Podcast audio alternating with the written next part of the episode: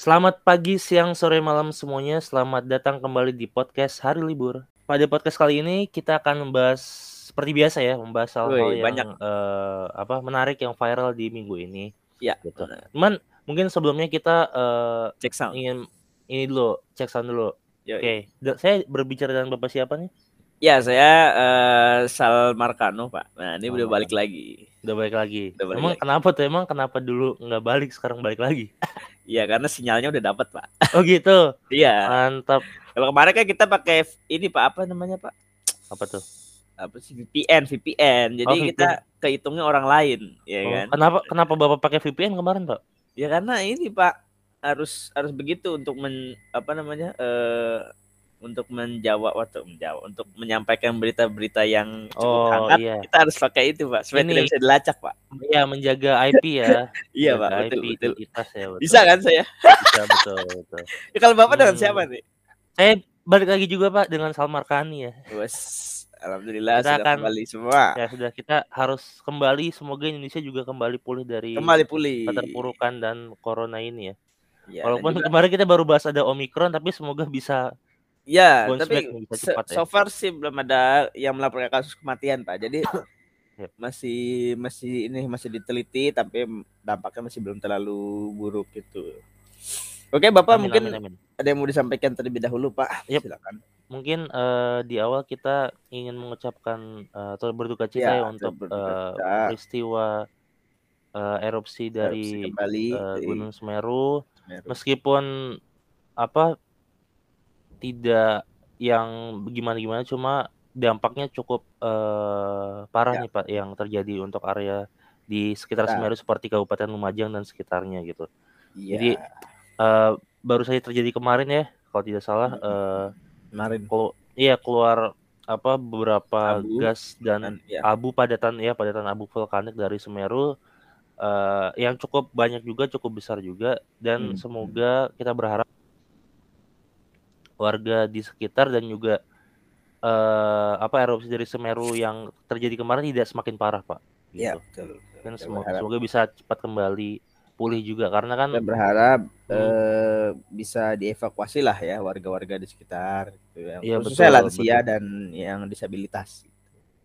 Ya betul, karena eh, walaupun ini jatuhnya kalau dari tingkat keparahan bencana gunung api apa ini mungkin memang rendah, namun dampak itu juga cukup besar pak. Seperti ya kalau misalnya tertutup oleh abu vulkanik ini kan, eh misalnya baru baru jam 3 atau jam 4 sore itu udah, udah gelap banget gitu kan. Mm-mm. Terus aktivitas juga sangat terhambat, rumah-rumah bahkan eh, di Lumajang juga itu eh apa kalau misalnya semi permanen misalnya rumahnya Pak itu bisa Ya. ambruk Pak karena nggak tahan dengan beratnya hujan abu yang menghujani atap bagian atap gitu. Mm-mm. Gitu. Semoga bisa cepat Iya.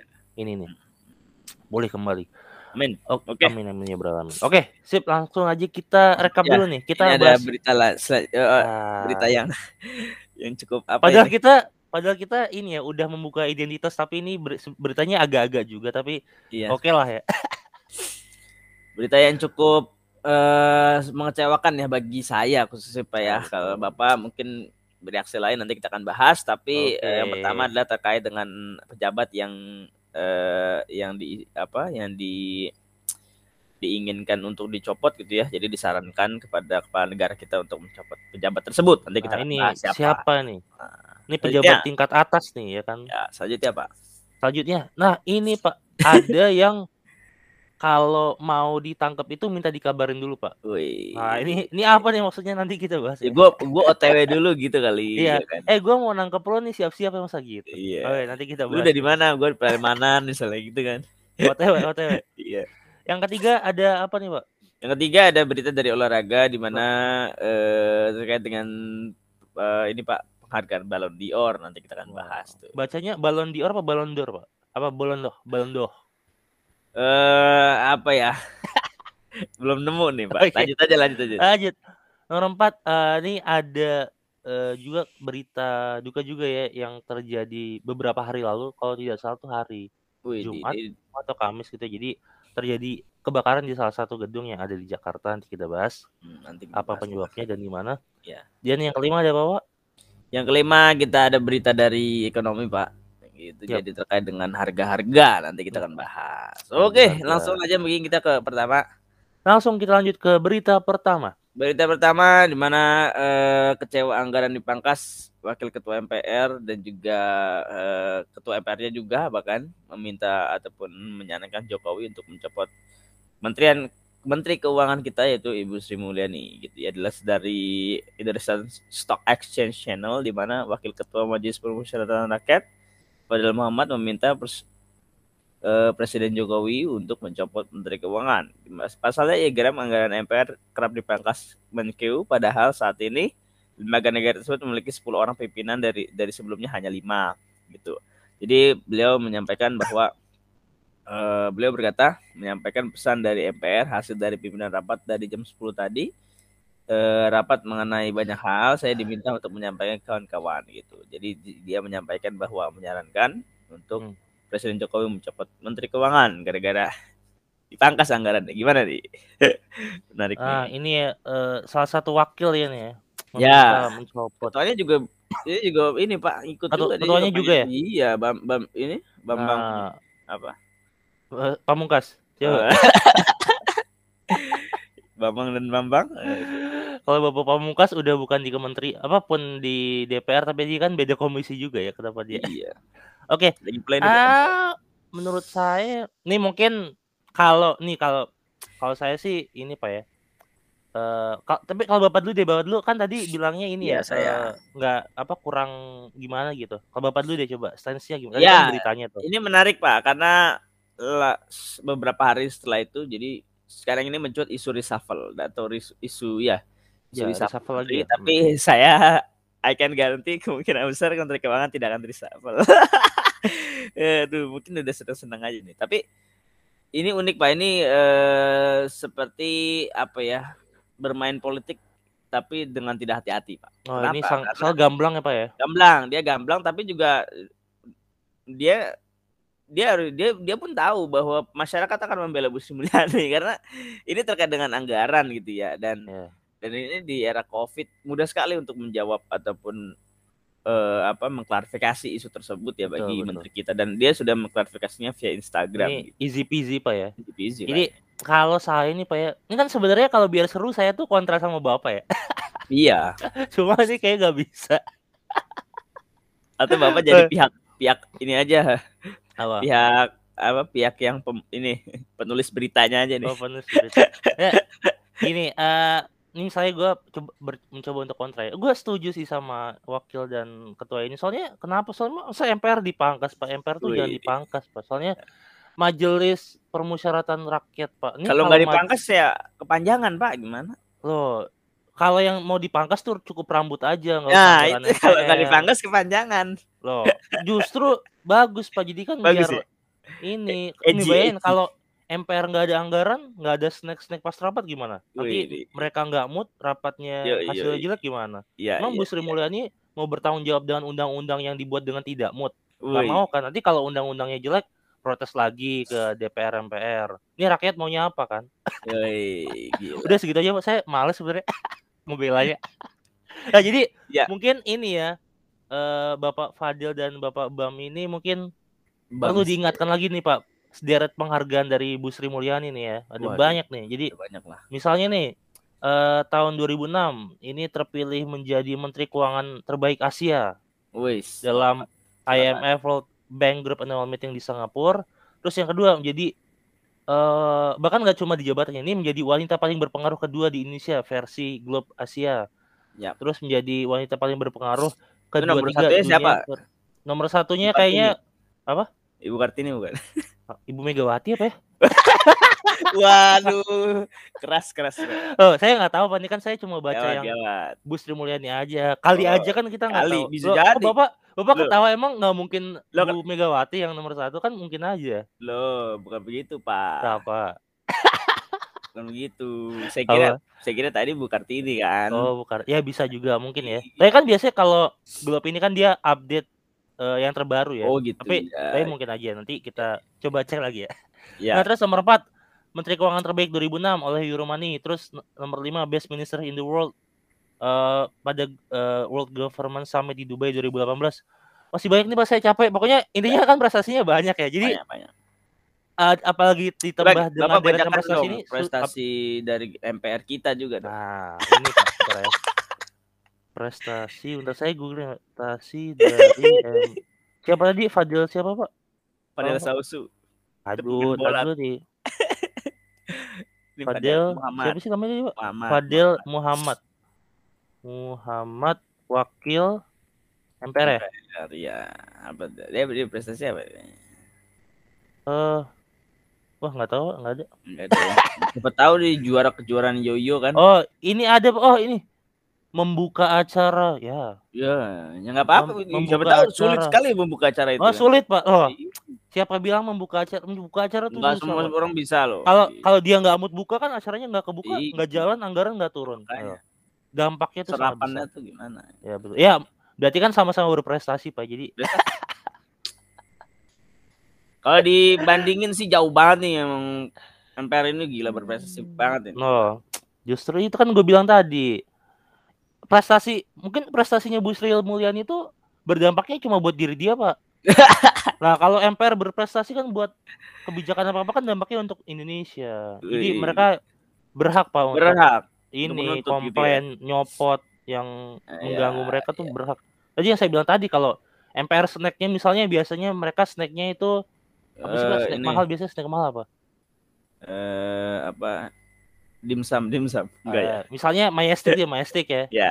Tapi tiba-tiba snacknya jadi eh, snack pasar subuh ya kan yang seribuan. Pasar Nah, nanti subuh, pasar mere- Margo, eh pasar apa? Detos. Yang iya yang di detos mereka nggak mood ya kan? Atau Ya. mereka pas makan ngunyahnya nggak enak pak. Jadi giginya tuh apa kram gitu rahangnya. Mereka jadi nggak bisa rapat kan repot pak. Jadi nggak repot, boleh gitu. repot. Iya. Nggak boleh diturunin lah. Tidak Naikin boleh. kalau bisa naikin. Kalau Pak. bisa naikin. Iya. Bapak jangan ikutan pro dong, Bapak ini dulu. Nggak, ini saya saya ca- capek nih pro yang ini. ya nih. makanya saya bantu supaya nggak capek. Nah, saya sekarang saya ini balik lagi kan. Iya, iya. Ya jadi eh tapi tadi sudah saya katakan bahwa tentunya eh, harusnya mereka sudah paham ya bahwa reaksi Mm-mm. netizen, reaksi masyarakat Indonesia itu akan eh, mendukung Ibu Sri Mulyani tentu ya. Iya. Jadi emang ini adalah sikap politik yang sangat eh, apa ceroboh ya kalau saya bilang ya. Jadi jadi eh, ha- apa hal-hal seperti ini yang harusnya tidak keluar dari mulut-mulut pejabat kita gitu sih. Ya kan eh pertama salah satu menteri yang sustainable nih, Pak. Iya, Dari iya, zamannya Pak SBY kan ditarik ya.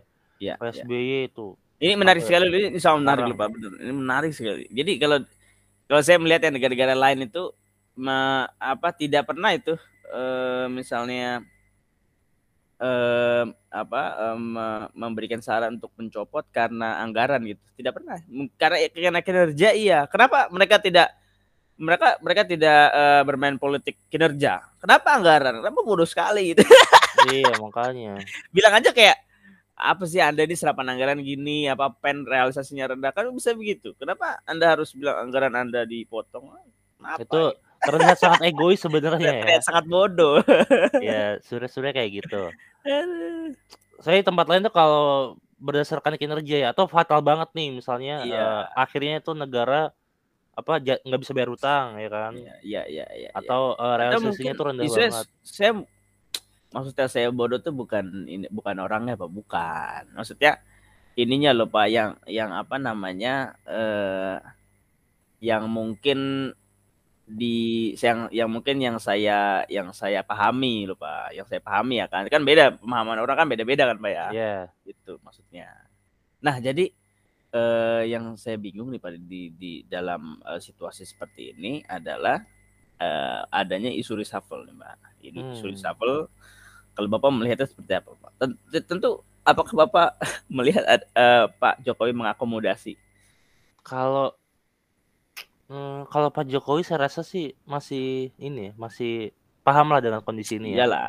eh terlepas Tantangan. nanti terlepas nanti bisikan kiri kanan tapi kalau Pak Pro Jokowi pribadi sih kayaknya tetap mempertahankan Pak soalnya Iya, iya dong. susah Pak ganti Bu Sri Mulyani ini susah Sulit, sulit. siapa sulit. coba Ri- Ridwan ganti. Septiadi misalnya, wah dia Hmm, atau Faisal Basri, Muhammad oh. Faisal Bisa. Faisal Basri bisa, bisa bisa tapi dong. kayaknya tapi kayaknya kalau diganti Pak Faisal Basri yang kemarin protes lebih nggak seneng deh pak Iya, lebih nggak senang lagi karena di ini kan di diteriakin-teriakin semua. iya nah itu kurang tahu tapi karena kan pemilihan jabatan itu kan ya Bu Sri Mulyani itu naik meskipun emang uh, secara independen tuh beliau tuh berprestasi ya, tapi kan dia Ya. juga tahu nih uh, manuver-manuver politik ya kan. Jadi Iya, iya betul. uh, ya kalau yang gini-gini dia dia tahu lah harus Ya, gimana dan iya, iya, iya. Menarik sih ya. Tapi mau nggak bertanya kalau diajak tuh?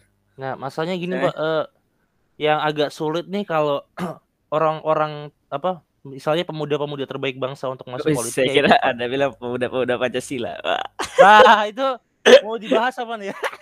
Gak usah, gak usah lanjut, lanjut, lanjut. Nah, jadi eh, yang jadi problem pemuda-pemuda Indonesia, pemuda-pemuda terbaik Indonesia itu untuk masuk politik gitu, Pak. Misalnya eh let's say lo lo nih ini banget atau banget jago banget ya kan. Sebenarnya tuh kompetensinya tuh paling atas buat ber- untuk jadi menteri misalnya. Ya, Tapi karena politik-politik ini apa yang bikin kita sulit jadi masuk. Jadi kadang tuh orang-orang top ini kan biasanya idealis ya. Jadi mm-mm. kalau masuk udah masuk ke pemerintahan tuh harus kompensasi Pak, berkompensasi. Jadi oh ini nggak boleh disentuh terlalu gimana. Oh ini gua harus kurang ini di bagian ini. Oh ini gua nggak Iya bisa dong, terlalu ngatur. Jadi eh perlu pengorbanan juga dari Ya. sisi idealisme, dari egois, dari sisi apa keinginan pribadi itu walaupun itu yang terbaik tetap harus diredam. Nah itu yang jadi susah nih Pak. Makanya banyak orang yang agak malas juga nih into apa masuk ke pemerintahan karena itu harus ngebuang beberapa part yang dia nggak bisa atur gitu. Karena kalau dia bisa berusaha idealis justru nggak bisa ngebantu apa-apa gitu. Jadi emang Ya. orang-orang yang terpilih nih dia mau geba mau ngebantu eh dia ini prinsipnya daripada gua nggak jump in sama sekali gua nggak bisa ngebantu mending gua kompensasi beberapa hal gitu tapi Iya. beberapa hal yang eh, sangat-sangat atau misalnya eh, krusial tuh gue bisa atur gitu Ya, bisa ini- emang emang sulit juga Pak masuk pemerintahan Pak. Kita kalau tes PNS kan susah juga. nah itu dia hmm ya Menteri- tapi kan tapi kan PNS tuh kan emang tes dari awal pak tulis segala macam. Kalau ini kan emang ada beberapa jabatan yang enggak Oh harus. iya. Emang gak harus Pak? Emang kan menteri ditunjuk emang dia Oh, kalau tes saya- dulu. Kalau itu saya pengen dong. Loh bisa. menteri dia menteri ditunjuk nggak tes yang kayak PNS kita pagi-pagi jam 6 tes PCR, Iya kenapa ya? terus tes nggak ya? tulis. Kok nggak dites? Ya mungkin udah di Atau tesnya nggak kayak gitu, kali. Pak. Paling Oh, siapa tahu dia kan sebelumnya kan ke istana dia lisan, tes lisan, Pak. Eh, Hmm, Iya kan? hmm. Iya, terus wawancara gitu ya, wawancara. Iya, wawancara gitu. Kamu mau minta gaji Eh, nanti berapa? nanti gitu. mari tuh kita cari tahu menteri-menteri ini pas dipilih tuh tesnya gimana. Iya, iya, Nah. iya, iya. iya. Siapa Apakah tahu eh kayak SNMPTN by achievement ya kan? ya, ya kan? Kita Nah, lihat kan bisa rapotnya. Bisa jadi. Undangan. Eh, Gitu. Oke, mungkin kita lanjut aja Pak daripada kita berlama-lama di berita pertama. Tapi kalau kuncinya kunci, waduh, kuncinya ya, Adalah Jawa. Wah. ya kalau tentulah ini ini isu yang, yang harusnya nggak ada lah ini pikirin aja rakyatnya gimana sih. Ya. Tuh, berapa, Mungkin kita lanjut ya, lanjut ya, Pak, ya. banyak harta kekayaan dia. Wah, udah Ya. rame lah. Betul. Lanjut aja lah. Tadi kan ada yang eh aduh berizinnya susah nih, Pak. Woi, gimana nih Bapak? Ini kan Bapak nih yang menginisiasi nih. Silakan. Oke, tadi kan kita berbicara soal apa, Pak? Tentang ini ya, eh, pencopotan ya. Jabatan. Nah, Ini Isu. juga ada tentang pencopotan juga, Pak. jabatan juga. Jadi ada eh, Bupati Banyumas nih Pak. Ini heboh nih di eh, media sosial karena Bupati Banyumas ini eh, namanya itu Ahmad Hussein mengatakan dirinya itu takut terhadap OTT atau operasi tangkap tangkap tangan KPK. Bagus, bagus, bagus. Gitu. Dia bilang kami kepala daerah semua takut dan tidak mau di OTT. Maka kami mohon kepada KPK sebelum OTT, mohon kalau ditemukan kesalahan sebelum OTT kami dipanggil dulu. Kalau ternyata it- eh, dia itu berubah, ya dilepas nggak usah ditangkap gitu. Tapi kalau kemudian dia tidak berubah, baru ditangkap gitu atau dicopot dari jabatan di jab- dari jabatannya gitu pak. Ya ini ini ini cukup menarik ya masa kalau misalnya mau di OTT ya, mau di OTT dikabarin. Terus dibilang lagi kalau dia dikabarin tapi dia berubah ya udah lepas gitu. Berarti kayak ini kan memperkuat statement korupsi nggak apa-apa kalau nggak seberapa ya. Kalau i apa ya, Pak? Atau ya udah di masa diingetin ya maksudnya kalau dia berbuat kesalahan kan ada peraturan lagi loh Pak. Oh ini salah gini gini gini.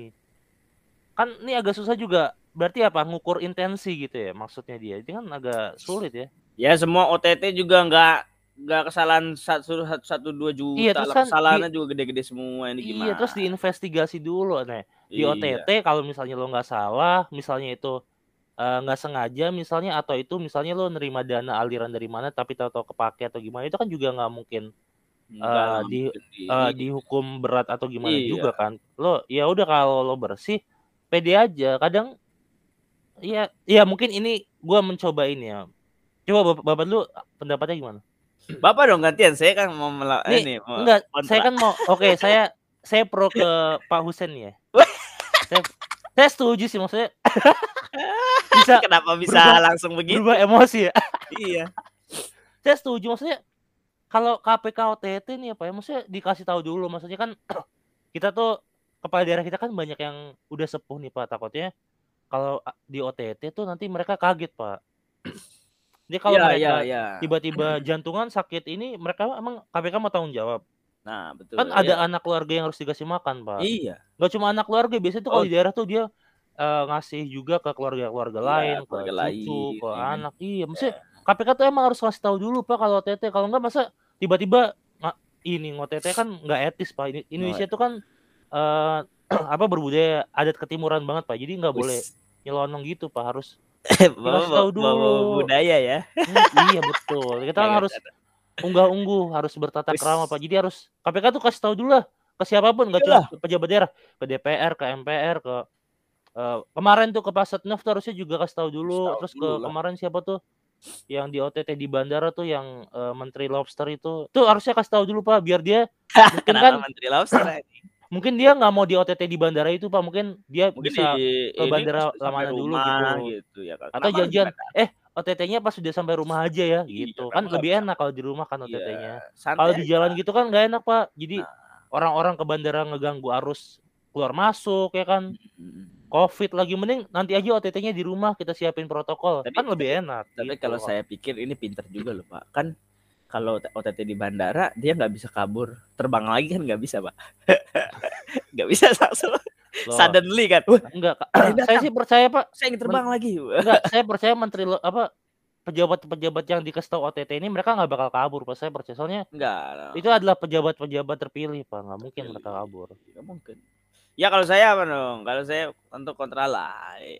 Emang emang KPK sekarang OTT-nya juga oke apa enggak juga saya nggak tahu ya. Tapi tapi eh, basically kalau OTT ya semana bisa lihat lah secara transparan lah ya.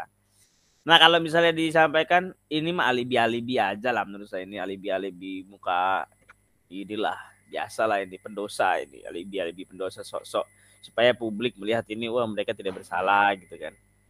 Ya kalau anda tidak bersalah ya nggak usah takut juga gitu loh. Tinggal pertama ini adalah konsekuensi jabatan harus sesuai dengan hukum kan. Ya, kenapa mereka nggak kerja sama aja? Pasti mereka juga udah kerja sama sih dengan KPK terkait dengan pelaksanaan birokrasi kan, supaya tidak melanggar hukum gitu kan dalam setiap pelaksanaan kebijakan dari setiap eh, apa namanya eh, struktur struktur biaya dan lain-lain kan memang harusnya sudah eh, dikomunikasikan. Jadi kalau memang melaksanakan dengan jujur ya jujur gitu loh. Ya kalau cuma eh, beberapa ini juga KPK juga ngapain? Masih banyak yang eh inilah masih banyak yang eh apa?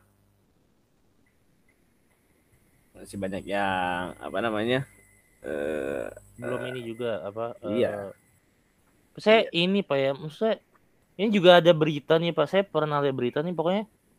eh kalau pejabat daerah yang korupsinya dikit terus dia di OTT diproses sampai lanjut itu bisa lebih mahal biaya ini ya Pak, biaya proses penangkapan dan persidangannya Pak. Jadi eh mending ya itu dikasih tahu dulu kalau dia misalnya berubah ya udah nggak usah di apa nggak usah ditangkap gitu diemin tapi kalau nanti dia akhirnya baru eh, masih lanjut nih ngeyel baru tuh tangkap penjarain tiga kali lipat dari masa hukuman sebenarnya dan lain-lain gitu. ah, ya emang begitulah Pak kita ini kan. Gimana gimana nih? Aduh. Iya, jadi itu Pak saya bilang tadi ongkosnya lebih mahal. Jadi kalau misalnya korupsinya dikit, mending dibilangin dulu kalau dia itu akhirnya berubah, nggak ngelakuin kesalahan lagi, nggak usah ditangkap gitu Pak. Tapi kalau misalnya dia ngeyel, tangkap tiga kali lipat masa tahanan yang sebenarnya nggak apa. Soalnya ini Pak ada berita juga tuh, saya pernah baca lebih mahal ongkos persidangan dan penangkapannya Pak daripada korupsinya gitu. Bisa jadi gitu. Daripada mahal di ongkos kan mending kasih tahu dulu. Kasih tahu kalau dikit oh kamu gini loh. Ya udah mereka berubah diemin.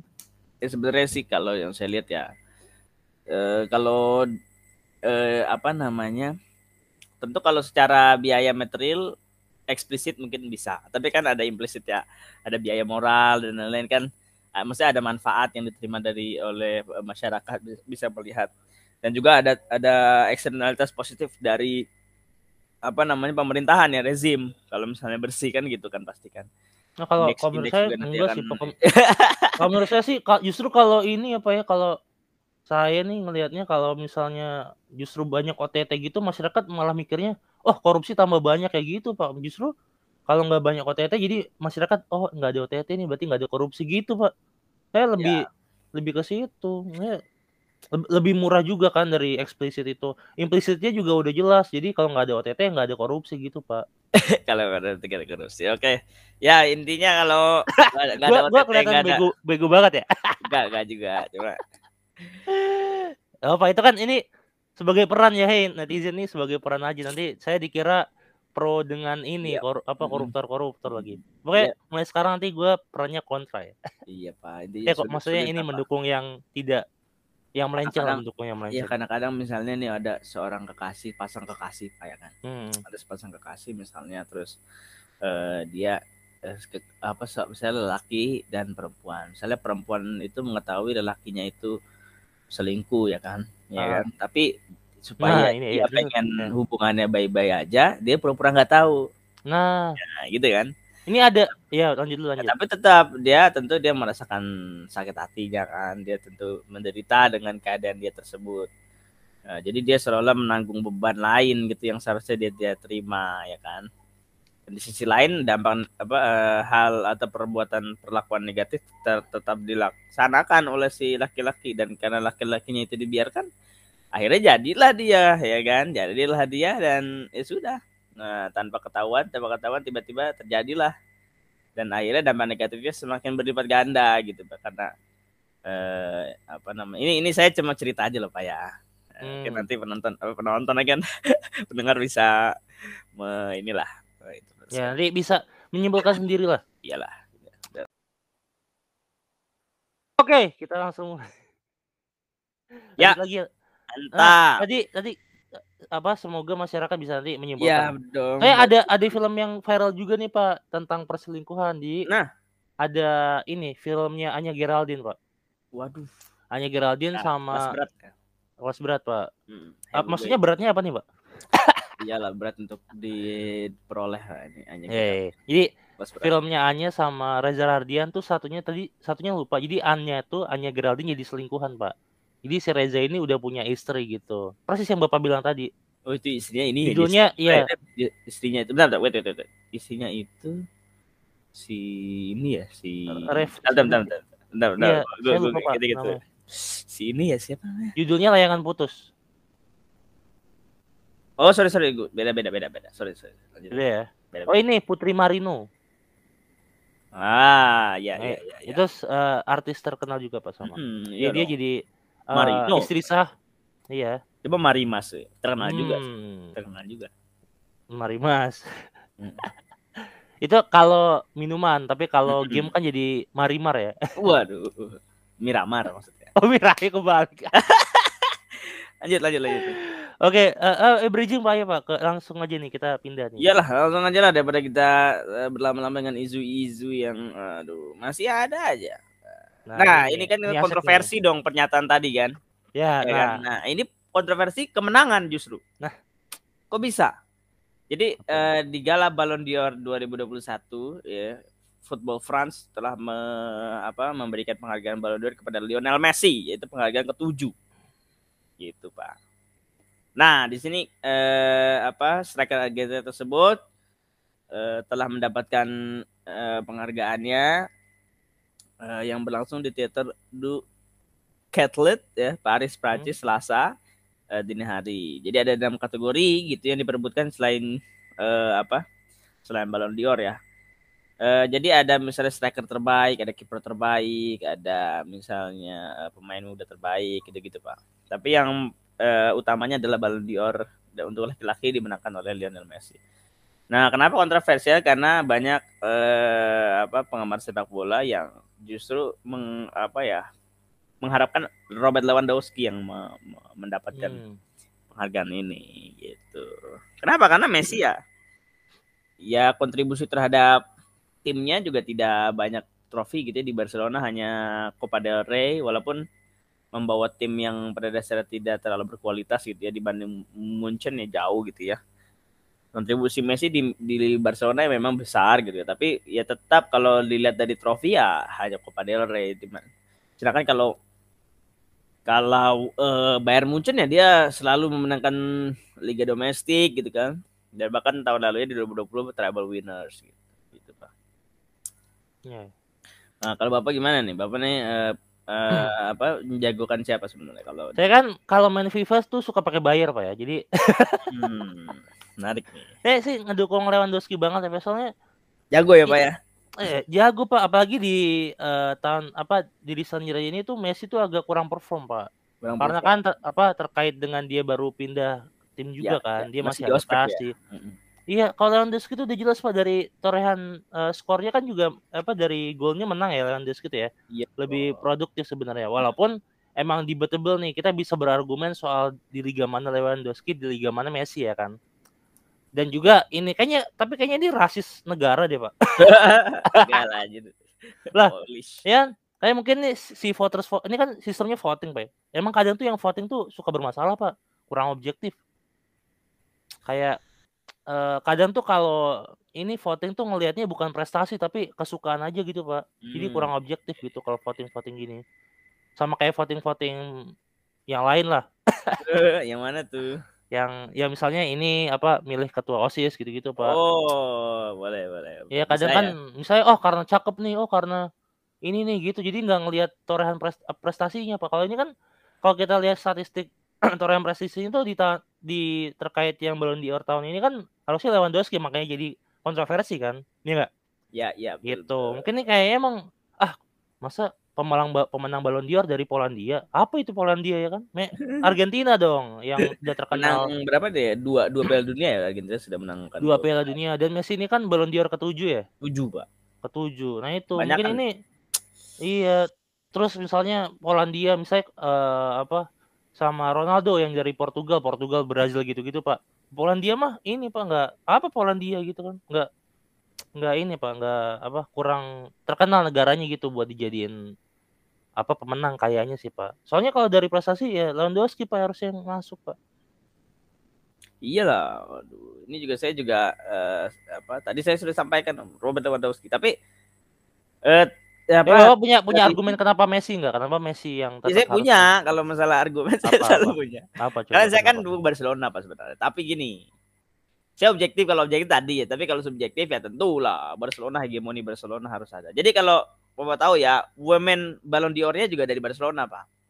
Ini kan women Ballon d'Or. Oh, ini womennya juga. Perempuannya juga dari Barcelona. Golden oh. Boy-nya juga dari Barcelona juga. Uh, harus semua Barcelona pokoknya. Wah, ini ada Barcelona.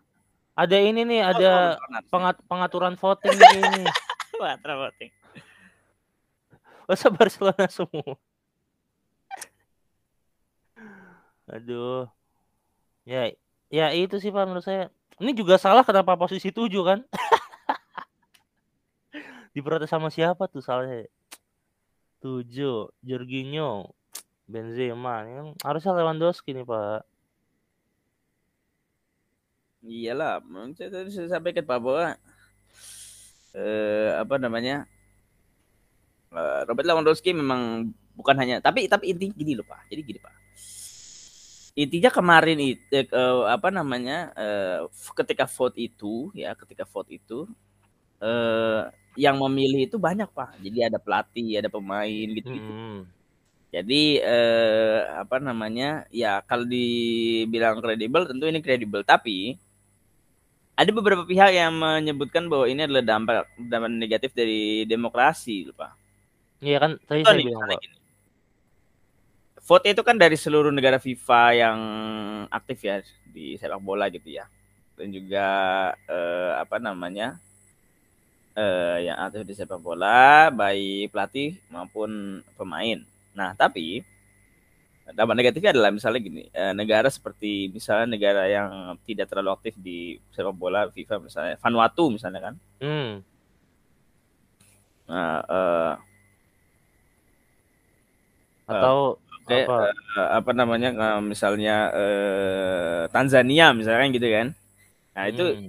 vote-nya akan sama dengan negara-negara seperti Prancis seperti uh, uh, apa namanya Belanda gitu-gitu kan atau misalnya yeah, China hmm. gitu. Jadi ya dihitungnya sama gitu kan. Nah ini yang yang apa namanya eh, yang yang apa ya beberapa pihak terkait menganggap itu adalah hal yang kurang oke okay gitu loh pak Iya betul betul.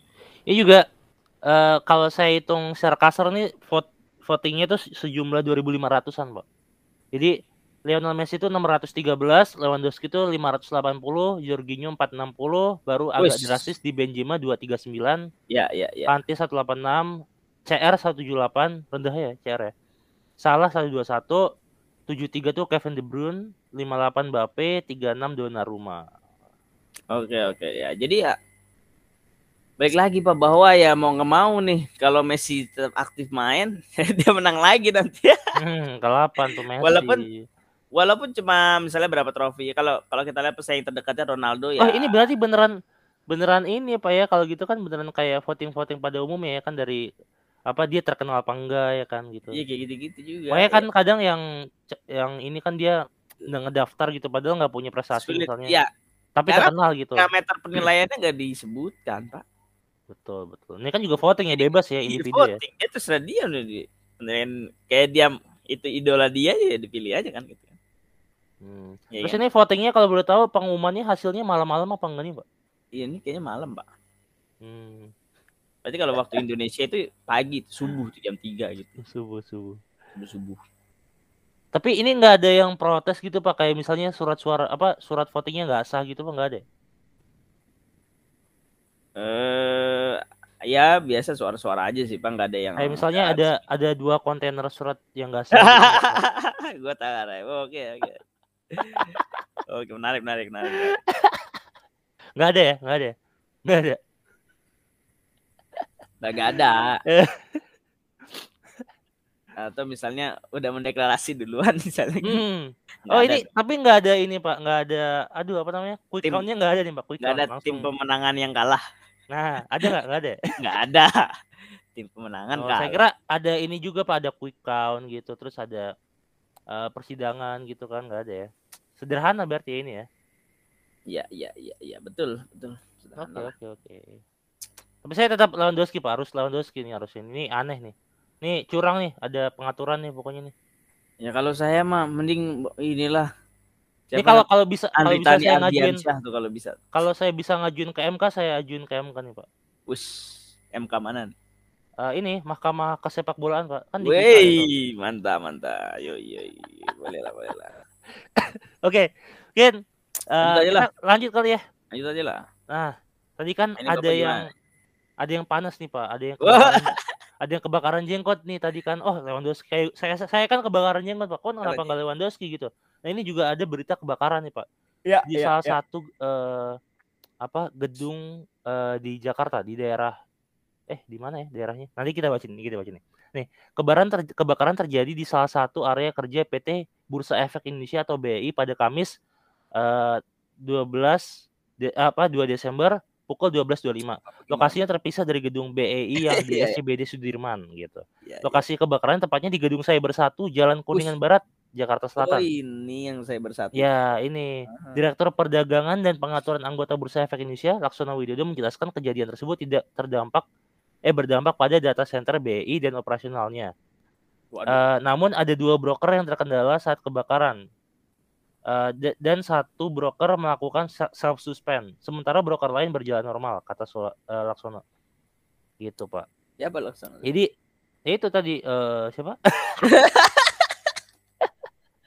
itu uh, ini uh, apa tadi direktur perdagangan dan pengaturan anggota bursa efek. Oke. Okay. Gitu. Jadi uh, saya bersatu ini merupakan salah satu apa ya web hosting terbesar di Indonesia, Indonesia. Pak, pusat di Jakarta di Kuningan itu. Jadi uh, dia tuh nggak cuma terkait dengan perdagangan dengan BEI, tapi ada beberapa uh, web Startup hosting ya? itu ya startup atau beberapa uh, web atau apa namanya uh, aplikasi program dan segala macamnya yang dia pakai jasa web hosting dari situ pak. Hmm. Contohnya kan kemarin saya pernah share tuh ada uh, bioskop ya kan, terus Hmm. uh, beberapa web server gitu yang dia nggak harus terkait dengan perdagangan dan uh, saham. Perikanan. Terus juga ada juga e-commerce pak kayak Shopee gitu kan kemarin sempat kendala tuh jadi ya ya. eh, beberapa orang tuh sempat terkendala awalnya tuh nggak bisa check out segala macam gitu jadi kayak Shopee juga menggunakan jasa web hosting dari gedung cyber satu ini pak Mm-mm. gitu terus eh, be- kalau nggak salah beberapa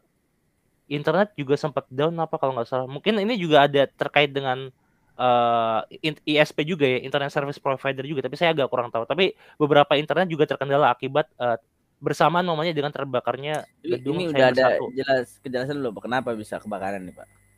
Oh iya, Ke- kenapa nih Pak? ya? Bentar. Tapi kayaknya kar- bukan karena kuli sih, tapi bentar saya. Arah situ. Eh, oh mungkin pen- pendapat Bapak dulu nih gimana nih? Saya sambil googling googling. Iya. Eh, tentu ini berdampak ya Pak Eh, secara ekonomi eh, harusnya dikalkulasi nih berapa Sempat down ya. Heeh. Karena sempat down tentu konsumen ya yang akan rugi sekali gitu ya. Misalnya dia lagi mau pesan order ya kan Pak. Iya, pesan Ya. makan. Iya misalnya makan lah gitu. kan. Set nggak masuk masuk gitu kan order tapi ternyata ketika masuk langsung tiga kali misalnya atau misalnya eh apa em, order barang juga seperti demikian gitu. Misalnya bukan hanya konsumen aja tapi juga si produsen atau eh, penjualnya juga misalnya tidak tidak mendapatkan keuntungan ya karena nggak bisa diorder dari konsumen tadi gitu. Jadi memang eh, apa namanya negatifnya harus dilihat lah ini kan gitu kan. Iya, biasanya kan kalau kayak ini, kayak dampak kemacetan kan, itu kan eh apa jum- Banjir gitu-gitu total waktu iya total waktu yang itu nggak bisa terpakai dikalikan misalnya upah eh, rata-rata gitu ya itu Ya, dijadiin per jam misalnya. dampaknya berapa gitu. Ini juga nih misalnya eh, flow dari eh, perdagangan di BI ini per per 10 menitnya atau per jamnya berapa terus dikalikan eh, total eh, waktu dari kendala si cyber satu ini gitu ya untuk diakumulasikan akumulasikan dijadiin eh, potensi Estimasi kerugian biaya, gitu ya. ya. Hmm. Gitu sih. itu sebenarnya untuk apa untuk ini dong untuk me- apa memberikan eh, ukuran untuk keberanian membenahi gitu karena kalau misalnya kita Hmm. benahi biayanya besar nah Ah, kelihat- kelihatannya Make manfaatnya sense, make nggak sense. kelihatan tapi kalau kita lihat estimasi dampak yang akan terjadi itu terbilang kecil biaya yang biaya perbaikan tersebut kan gitu itu yang harus Betul, misalnya eh misalnya selama tiga jam misalnya eh lima jam misalnya lumpuh misalnya ya. Mm-mm. Dia tuh eh, satu triliun misalnya sementara Iya. tuh perbaikannya itu eh, 900 miliar misalnya. ya Nah, kalau Sebenarnya kalau kalau kalau melihat ya melihat sendiri tuh mahal, tapi kalau di Mahal. compare sama kerugian yang akan terjadi, nah itu ya. itu masih masih tercover kan Nah, kalau di sini dikabarin ini Pak karena kors konser kon, korsleting listrik. Nah, Oh nah. iya makanya saya so bingung far kalau kayak gitu sih. so konser far sih kayak konser siapa sih konser cyber. Bacanya gua sih. Iya, kons konslet lah, konslet listrik. korsleting listrik Ya, Oke. itu yang terjadi karena harus harus apa nih harus pendek pendek Pak, harus pendek. berarti marah-marah dia harus pendek mulu dia. Itu sembuh pendek.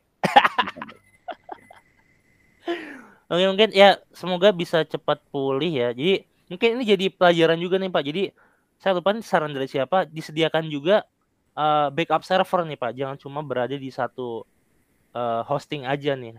Saya lupa tapi berita dari mana. Pokoknya jangan cuma hostingnya dari eh, satu tempat aja gitu. Atau Ya. menyediakan misalnya cloud gitu ya. Kan sekarang udah ada cloud nih. Mm. Eh, misalnya ya data ini- master atau harian bisa di save. Iya tapi tentu kalau biarpun cloud tetap eh, apa namanya servernya butuh offline pak. Iya benar-benar. Ya itu mungkin Kayaknya memang mau nggak mau ya Google juga eh berarti itu berarti eh, hostingnya eh, kalau bisa ada backup nggak cuma ada satu backup gitu. aja iya. Ya tapi Oke, saya- kalau bisa juga tapi kalau bisa juga gedungnya kalau bisa jangan sampai kebakaran ya. Apalagi kalau iya. apalagi kalau ternyata hal apa percikan ini tuh emang Wes. pure karena misalnya dari maintenance yang kurang rutin ya kan. Kan Iya, bisa iya. tuh alat listrik dia atau meteran aja nih meteran tuh kalau nggak dicek pak ya itu bisa konslet kan. bisa gitu. bisa. Eh, dari kabelnya tuh udah terlalu panas atau apa dia bisa konslet. Jadi mungkin uh, dilihat lagi ini ada tim uji dari laboratoriumnya masih ngecek lebih lanjut sih nanti akan dikabarin hasilnya tuh karena apa nih konstetnya gitu. Oke, ini kita lanjut aja Pak. Oke. Kita lanjut saja mungkin dari berita ekonomi ya kan daripada kita tidak ada ekonomi ekonominya. Hmm. Nah, ini tambahin satu tapi dia terkait dengan masyarakat Pak ya kan. Terkait dengan masyarakat kita bisa melihat bahwa uh, terkait dengan perkembangan harga, tingkat inflasi untuk tahun kalender tahun ini gitu ya dari Januari hingga November itu sebesar 1,3 persen untuk uh, year on year tahun ke tahun itu sebesar 1,75 persen, Pak. Gitu. Hmm. Nah kalau misalnya uh, ada dibanding bulan lalu harga-harga meningkat sebesar 0,37 persen. Nah ini kan kalau bisa kita bisa melihat ya Pak ya 1,3 gitu kan. Terus juga taruhlah 1,3 lah ya kan uh, apa uh, kumulatif ya. Tapi kenaikan misalnya kenaikan upahnya 1,09 oh, gimana tuh? Hmm. nah. Tapi itu tahun depan dong, ya kan? Nggak nggak fair kalau kita bandingin dengan tahun ini. Jadi kadang-kadang orang tapi tapi kalau estimasi uh, inflasi tahun depan justru lebih tinggi. Ya gimana tuh? Gimana Jadi, tuh? kalau menurut saya nih Pak ya, sebagai pakar dari pakar dari minyak sayur. Jadi ini kan kalau perhitungan uh, apa gaji ya UMP, UMR segala macam itu kan yang saya tahu ini juga agak kompleks Pak. Jadi Wes, iya. harus dilihat mungkin rata-rata di Indonesia segitu tapi ya kita harus lihat lagi nih per daerah Pak. Betul. Jadi kan betul, kalau betul. data inflasi tadi kan uh, data nasional Pak ya. Jadi ya, ya. harus dilihat lagi nih uh, komoditas atau data inflasi di tiap daerahnya mungkin aja bisa juga uh, inflasinya itu udah lebih rendah dari kenaikan upahnya Pak. Ya, mungkin di beberapa ya, daerah kayak gitu. Jadi kan perhitungannya itu ya dari standard living tuh dari tiap daerah nggak cuma uh, dipik dari skala nasional aja harus ya. dilihat juga bahkan kan ada namanya uh, eh, UMK ya nah bahkan lebih spesifik lagi itu sebenarnya dari UMK walaupun UMK itu ditarik dari UMP juga yang disesuaikan ya enggak jadi misalnya kayak uh, Jawa Barat uh, sekian tapi ternyata di beberapa daerah tuh nggak bisa karena contohnya di daerah-daerah aglomerasi kayak di Kerawang gitu-gitu kan dia jauh lebih tinggi kan karena yaitu beda lagi tuh yeah. Iya. uh, justifikasinya beda lagi di uh, apa terkait harga apa namanya harga sewa terus uh, makanan minuman dan segala macam sementara ya, jadi, itu sih pak jadi yang menarik adalah kita harus melihat real wage ya pak jadi kan real kalau wage. kita lihat jadi kan nominal wage aja kan nominal wage. bagi misalnya naik berapa 4 juta berapa gitu kan Hmm. Tapi kan kita harus melihat berapa real wage-nya. Karena ini menarik nih apakah kesejahteraan buruh meningkat atau tidak. Harus enggak ada belum ada yang publish ya. Belum, Pak, belum, belum. Aduh, gimana sih? Kan ini masih masih bahasan ngebahas gagasan dulu, Pak. Soalnya emang kan harus dicek dulu nih. Ya. Tapi bi sebenarnya bisa di bisa uh, dibuat asumsi-asumsi tapi so far saya belum nemu nih Pak berita tentang apakah dengan ini apa dengan kenaikan yang satu sekian persen ini itu akan lebih baik atau ya ini wajar aja di era pandemi gitu belum ini. Ya ya ya ya, ya kita intinya kita tidak menyerang pihak mana pun gitu kan tapi tentu kita bisa melihat di sini fair lah we play fair lah gitu kan. Ini kita bisa melihat ke, kalau hitungannya kalau bisa ya, ya misalnya uh, masyarakat juga harus aware lah gimana uh, apa namanya formulasi perhitungan yang dilakukan oleh yang dari BPS kan untuk di, ya, BPS. di, diakomodasi oleh Kemen, Kemenaker gitu kan lalu disarankan kepada para para pejabat daerah gitu untuk dideklar untuk diumumkan gitu. Tapi pada dasarnya beberapa pejabat daerah sudah umumkan ya Pak. Kecuali kayaknya uh, ada satu ya uh, ada beberapa lah itu ya yang masih masih belum uh, mengumumkan. Saya lupa kemarin tuh eh apa eh batas pengumumannya tuh tanggal berapa gitu. Ada batasnya tapi oh, kayaknya masih belum lewat ya? deh. Masih belum lewat tanggal. Hmm. Ya, tapi intinya gini Pak, inflasi untuk uh, bulan ini itu terjadi karena kenaikan harga yang ditujukan oleh sebagian besar uh, indeks global pengeluaran gitu ya. Makanan minum makanan minuman itu uh, sebesar 0,84 persen, terus pakaian alas kaki 0,09 uh, eh, kelompok perumahan yaitu air listrik dan bahan bakar rumah bahan bakar rumah tangga itu sebesar 0,40 persen lalu ada kelompok perlengkapan peralatan dan pemeliharaan rute rumah tangga sebesar 0,30 persen kelompok kesehatan 0,01 dan dan sebagainya sebagainya gitu tapi yang paling kalau secara komoditas pak yang paling meningkat yang terus meningkat itu di minyak sayur lagi lagi kita udah pernah bawakan hmm. itu juga kan betul hmm. Karena kemarin itu terakhir itu 18 ribu sekitar 18 ribu 900 pak. Jadi hampir 19 ribu itu. 18 ribu 900an lah. Ya begitulah Pak kalau uh, untuk lapangan berita bagi uh, apa uh, secara akumulatif tahun ini. Kalau Bapak nih melihat seperti apa nih? Oh, ya, dari oh, kacamata Bapak nih. Hmm, saya lagi nggak pakai kacamata sih Pak, tapi ya, jadi kita paham kalau misalnya analisisnya tidak ter atau tidak terlalu oke okay, karena nggak pakai kacamata.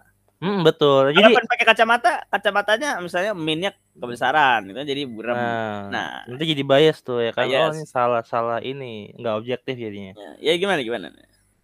Jadi ya soal kenaikan ini benar. Jadi kita harus lihat juga upah realnya. Tapi kadang nih ya uh, ya ini kan kalau demo-demo buruh kan perspektifnya pasti dari buruh kan, labor union segala macam. Tapi kita ya. juga harus lihat dari sisi ini, Pak. Uh, bisnisnya, dari segi bisnismennya apakah dengan uh, kan kita tahu ya Pak ya kalau misalnya uh, uh, pernah tuh di teori labor econ ya kalau misalnya itu ditingkatkan sampai sekian derajat tuh sampai uh, menyebabkan apalagi ini lagi lesu ya menyebabkan bisa terjadinya justru PHK Pak karena apa karena kalau dinaikin uh, apalagi yang skalanya besar ya dia dinaikin misalnya let's say 3% tapi kan itu banyak pekerja jadi dengan asumsi dia budgetnya itu terbatas jadi dia mau nggak mau harus mengurangi beberapa pegawai untuk bisa nge-cover 3% dikaliin ratusan atau ribuan pegawainya mereka, Pak. Jadi justru ini ada dampak buruknya juga nih. Jadi eh mungkin pemerintah juga melihat dari segi itu, Pak. Jadi kalau misalnya dinaikin itu terlalu besar eh, dari segi bisnisnya itu dari segi keberlangsungannya juga akan berat juga, Pak, gitu. Terlepas dari jangka panjangnya ke depan, tapi minimal di saat itu kalau budgetnya ya emang nggak ada terbatas akan terjadi mungkin akan terjadi pemutusan hubungan kerja, Pak. Ya. Gitu Tapi ini sih. menarik, Pak. Jadi menariknya begini seperti itu. Uh, pada dasarnya kunci utamanya, Pak. Wah, kuncinya menurut -hmm. saya adalah demand permintaan. Demand. Jadi di negara-negara besar lain gitu ya, misalnya di US itu kan di Eropa, di Inggris, di uh, apa di negara-negara tetangga misalnya Vietnam, misalnya, mm. Itu kan kalau kita bisa melihat di sana itu bahkan kekurangan tenaga kerja, Pak. Nah, itu sebaliknya di terjadi di Indonesia. Jadi kalau di sana itu upah meningkat, kenapa? Karena e, untuk menarik menarik para tenaga kerja yang masih ingin ada di rumah gitu karena karena pandemi ini. Dan juga untuk mempertahankan tenaga kerja tenaga kerja yang sudah ada di perusahaan tersebut gitu Pak untuk tetap kembali untuk bekerja. Nah, karena kekurangan pekerja itu jadi kekurangan pekerja terjadi karena permintaannya tinggi, tapi kapasitas produksinya masih rendah. Kenapa? Karena eh, hmm. belum datang. Nah kalau di Indonesia ini memang permintaannya belum terlalu oke okay, pak, gitu. Jadi eh, walaupun memang kalau secara ekspor kita ya, kalau secara eh, perdagangan kita sudah cukup oke okay, gitu ya. Tapi kalau permintaan dalam negeri memang masih bertahap untuk meningkat gitu ya. Karena memang eh, kita kita tahulah di kuartal lalu kan kita masih ada pembatasan ya. Jadi masih menyesuaikan diri di kuartal sekarang gitu. Kita sih uh, tapi balik lagi sih ini kan proyeksi pak untuk tahun depan ya kan jadi jadi harusnya horizon kita itu lihat di tahun depan gitu kan jadi bukan Betul. di tahun ini gitu itu yang ini uh, menarik juga nih pak ya lihat melihat persentase dari tingkat pengangguran ya Hmm. Kalau tingkat pengangguran kita kan tuh dilihatnya itu dilihat dari mereka yang lagi mencari kerja atau belum bekerja ya, di, dari angkatan kerja gitu. Uh, ini menarik pak, soalnya gini gak sih kalau misalnya pengangguran itu terlalu sedikit nih misalnya, let's pengangguran kita tuh 0,1 persen ya kan? itu kan apa dari segi bisnis kan berarti apa dari dari supply dari labornya kan nggak ada itu bakal jadi tinggi banget tuh eh, apa perusahaan untuk eh, menetapkan upah ya kan jadi itu mungkin dari segi labor bakal... pengangguran kita rendah pak Iya, misalnya kalau pengangguran kita rendah, upahnya rendah juga. Karena kan eh, apa namanya sudah uh, bukan bukan maksudnya upahnya rendah ya, tapi maksudnya hmm. secara biaya ya, secara biaya diestimasikan harusnya efisien ya. Kalau karena apa? Karena Iya, ter, udah full eh, employment misalnya gitu kan. Iya betul. Kalau kalau pakai asumsi full employment, ya, tapi kalau, misalnya kalau uh, secara opportunity ya memang enggak gitu. Kalau, iya, kalau kalau dari segi opportunity market. di labor marketnya pak, jadi kan iya. kan itu dia karena udah nggak ada, ya, ya bener sih kalau kalau pakai asumsi full employment. Tapi kalau misalnya dia itu sebenarnya masih jauh-jauh lagi butuh kan itu jadi mahal ya ceritanya. Iya, iya betul, betul. Tapi kalau terlalu terlalu besar pengangguran juga itu juga bahaya juga. Bahaya juga. Jadi bahaya juga. nah ini kalau terlalu besar pengangguran berarti apakah uh, ini mungkin bisa jadi itu Pak tadi yang Bapak bilang ya, pada malah balik lagi jadi kalau misalnya iya. terlalu besar pengangguran ya kalau misalnya demand-nya ya pas-pasan ya bisa aja itu rendah tuh. Nah, Iya, kan kan bisa jadi dua, bisa super jadi rendah. emang Tapi kalau demand-nya emang lagi tinggi, Mm-mm. orang-orang masih pada nggak mau balik ke, peke- ke pekerja, mau nggak mau perusahaan akan memberikan insentif lebih kan untuk menarik Betul. mereka kan gitu. betul betul. Tadi saya lupa asumsi full employment tadi Pak Iya. Nah, tapi kan bisa juga dua Pak antara mereka yaitu butuh eh, apa nominal tertentu biar mereka kerja atau emang penganggurannya karena emang nggak bisa kerja aja kan agak beda ya. Ya, ya, ya. Nah Hmm. itu, ini menarik juga untuk Menarik. eh, ada ini juga kan yang sempat booming juga di 2019 tuh UBI Pak ya. Mm-mm. ya kan apalagi nanti kalau ada tapi di Amerika juga pernah nerapin apa ya nama namanya pak ya jadi kayak prakerja gitu pak apa sih namanya kalau di Oh, dia mah jobless claim kalau ya di jobless claim masih masih ada sampai sekarang masih terus. iya iya yang diterapin di Amerika kan maksudnya apalagi kalau ada jobless claim apalagi nanti kalau ada UBI itu kan standarnya bisa lebih tinggi lagi tuh oh Mhm. gue mending stay di rumah aja soalnya gajinya nggak beda jauh atau resikonya tuh jauh lebih besar kalau misalnya gua atau dari leisure-nya atau dari resikonya ya. ya, ya. Ya, menarik nih kalau diterapin ya UBI ya janganlah. Di itu, itu masih belum ada negara yang inilah yang Ya masih ya itu loh. Ya dari situ aja udah kelihatan Mm-mm. bakal mengubah tatanan ya kan. Wede, ini pasti Mardigu nih yang. Mardigu. Soalnya ada kata-kata tatanan, Iya, Mardigu, tatanan dunia. terus Sunda Empire ya kan. ya enggak ini eh ya balik ini juga kan yang lagi heboh tentang sustainability kan ya Pak. Ekonomi hijau, taksonomi hijau kalau dari iya. OJK. Itu Gimana? juga akan merubah tatanan juga tuh. tatanan Nanti dunia baru, tatanan dunia baru. ya kan? Apa namanya? Iya. PB eh, P- gimana Pak? PBB. Apa? PB- PBB. Enggak, enggak, enggak, gimana? KTT PBB, UN. 26. Eh gimana gimana? Bentar, bentar, bentar. Apa- Enggak bukan itu. Kalau kalau Bapak Rangga tuh bilangnya gimana ya? Kemarin tuh Su- eh, eh, pusatnya di Bandung apa sih guys? Iya bener pak. Eh, oh terus ini pak, emang kalian pikir penetap, penetapan kata Abi Saturday itu Sunday dari mana? Sunda itu. Sunda. Saya lupa pak. Iya ada tuh. Yang oh ini dari ini pak. Dia tuh ngaitin cocokologinya ke ini dulu. KTT apa Asia Afrika kan di Bandung dulu tuh.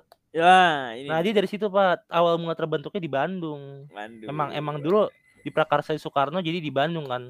Iya, GNB dari iya, GNB tuh tingkat- KTT Asia KTT Afrika. tingkat apa iya. Hmm, Iya. ya inilah tapi oke lah gimana Bapak ada tambahannya nih? Kayak ini. eh mungkin mungkin ya mungkin itu sih Pak cukup ya dari perspektif saya ya itu tadi mungkin harus ada nih eh apa ahli yang ngukurnya apakah ini jadi lebih baik better off atau gimana atau emang ini eh wajar diterapkan di era pandemi gini karena emang perekonomian di segala macam lagi lesu gitu ya. Mungkin gitu sih Perlahan-lahan lah, perlahan tapi yang paling penting kita ya kita sih berharap semoga tidak tidak ada negatif lagi lah dari pandemi lah ya Pak ya. Kalau kembali ke sudah kembali ke apa? Kembali ke lap- kembali ke perusahaan masing-masing atau ke ke iya ke pabrik dan lain-lain ya itu udah bagus lah gitu ya walaupun ya nanti kita akan bicara terkait kesejahteraan selanjutnya gitu. yang paling penting adalah sekarang kan yang pengangguran pengangguran dampak pandemi ini harus kembali gitu. ya betul. Ya, itu sih pak. Penyerapan tenaga kerja harus terus terjadi karena ya tadi bahwa eh, apa kita harus pulih kan gitu kan. Apalagi ada Iya. varian baru ya semoga varian baru ini tidak terlalu berdampak lah. Amin amin amin amin. Semoga cepat pulih ya Indonesia dan juga dunia nih biar bisa kembali normal lagi. Oke ada tambahan lagi enggak nih bapak nih? Ini cukup sih saya segitu aja Pak. Oke saya juga sudah oke pak. Jadi eh, mungkin itu ya yang berita yang kita sampaikan di minggu ini Yap. betul Eh, Mungkin eh ini ya, eh ya pokoknya jangan lupa buat dengerin podcast hari libur ya di konten berita ini. Kita akan terus mengupgrade isi dan jokes-jokes yang berkualitas. Eh, ton, ton- eh, pantengin terus saja. Jangan lupa follow podcast hari libur di @podcast hari libur di Instagram. Jangan lupa follow Instagram dari Salmar Kano di @imf underscore Indonesia atau Salmar Kano juga follow Instagram saya Salmar Kani di @ridwan Septiadi. Eh, sampai jumpa di berita-berita selanjutnya di minggu depan. Selamat beraktivitas. Selamat berlibur berlibur. Terima kasih semuanya. Bye bye.